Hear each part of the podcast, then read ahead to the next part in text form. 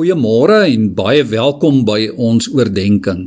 Ek het gisteroggend baie vlugtig verwys na die jong Timoteus wat sy geloofsvorming grootliks te danke gehad het aan sy gelowige ma en aan sy ouma wat by hom 'n liefde gekweek het vir die Here en vir die woord van die Here.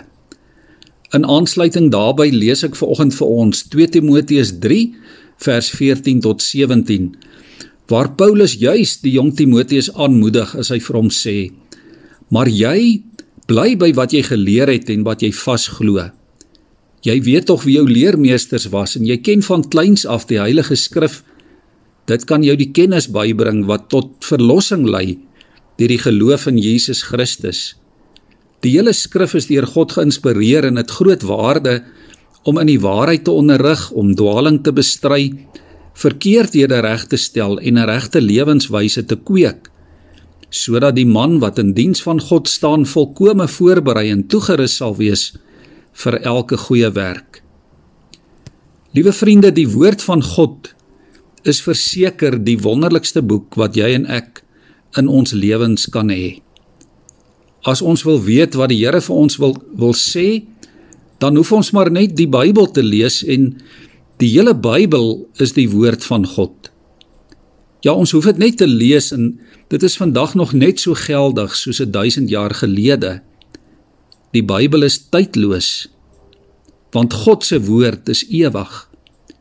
Ons is baie bevoorreg om 'n dokument te hê wat so volledig is dat ons niks daarvan hoef te verander nie. Maar as ons die Bybel nie gaan lees en nie gaan bestudeer nie, dan gaan dit vir ons baie min en selfs geen waarde hê nie.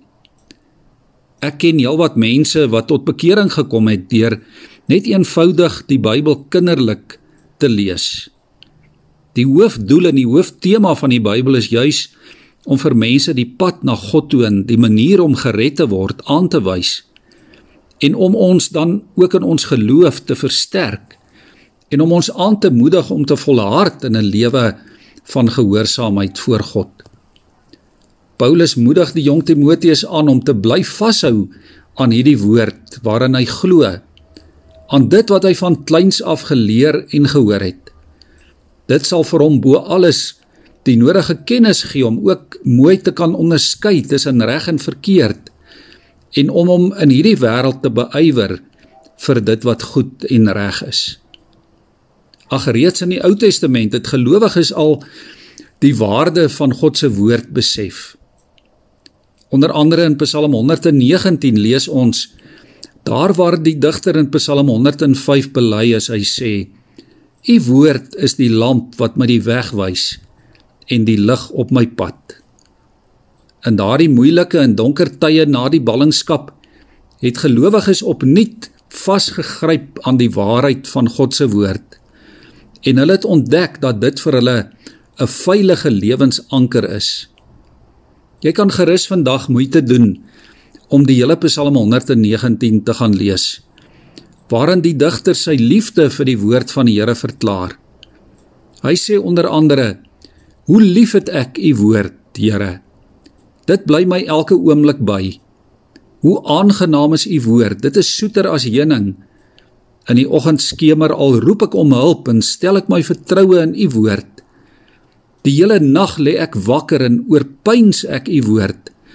Ek smag na u hulp, Here. In u woord vind ek my vreugde.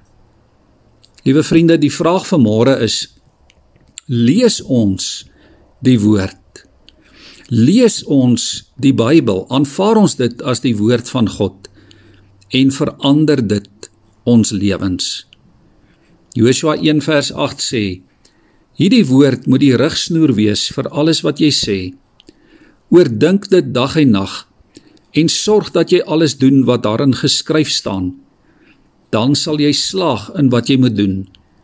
Jy sal voorspoedig wees. Kom ons bid saam. Here, dankie dat U woord ons anker is. Ja, ons anker in hierdie onstuimige wêreldoseaan. Dankie Here vir u lig op ons pad en u lamp vir ons voet. Here, laat ons vandag aan hierdie anker vashou en laat ons in die lig van u woord lewe. Amen.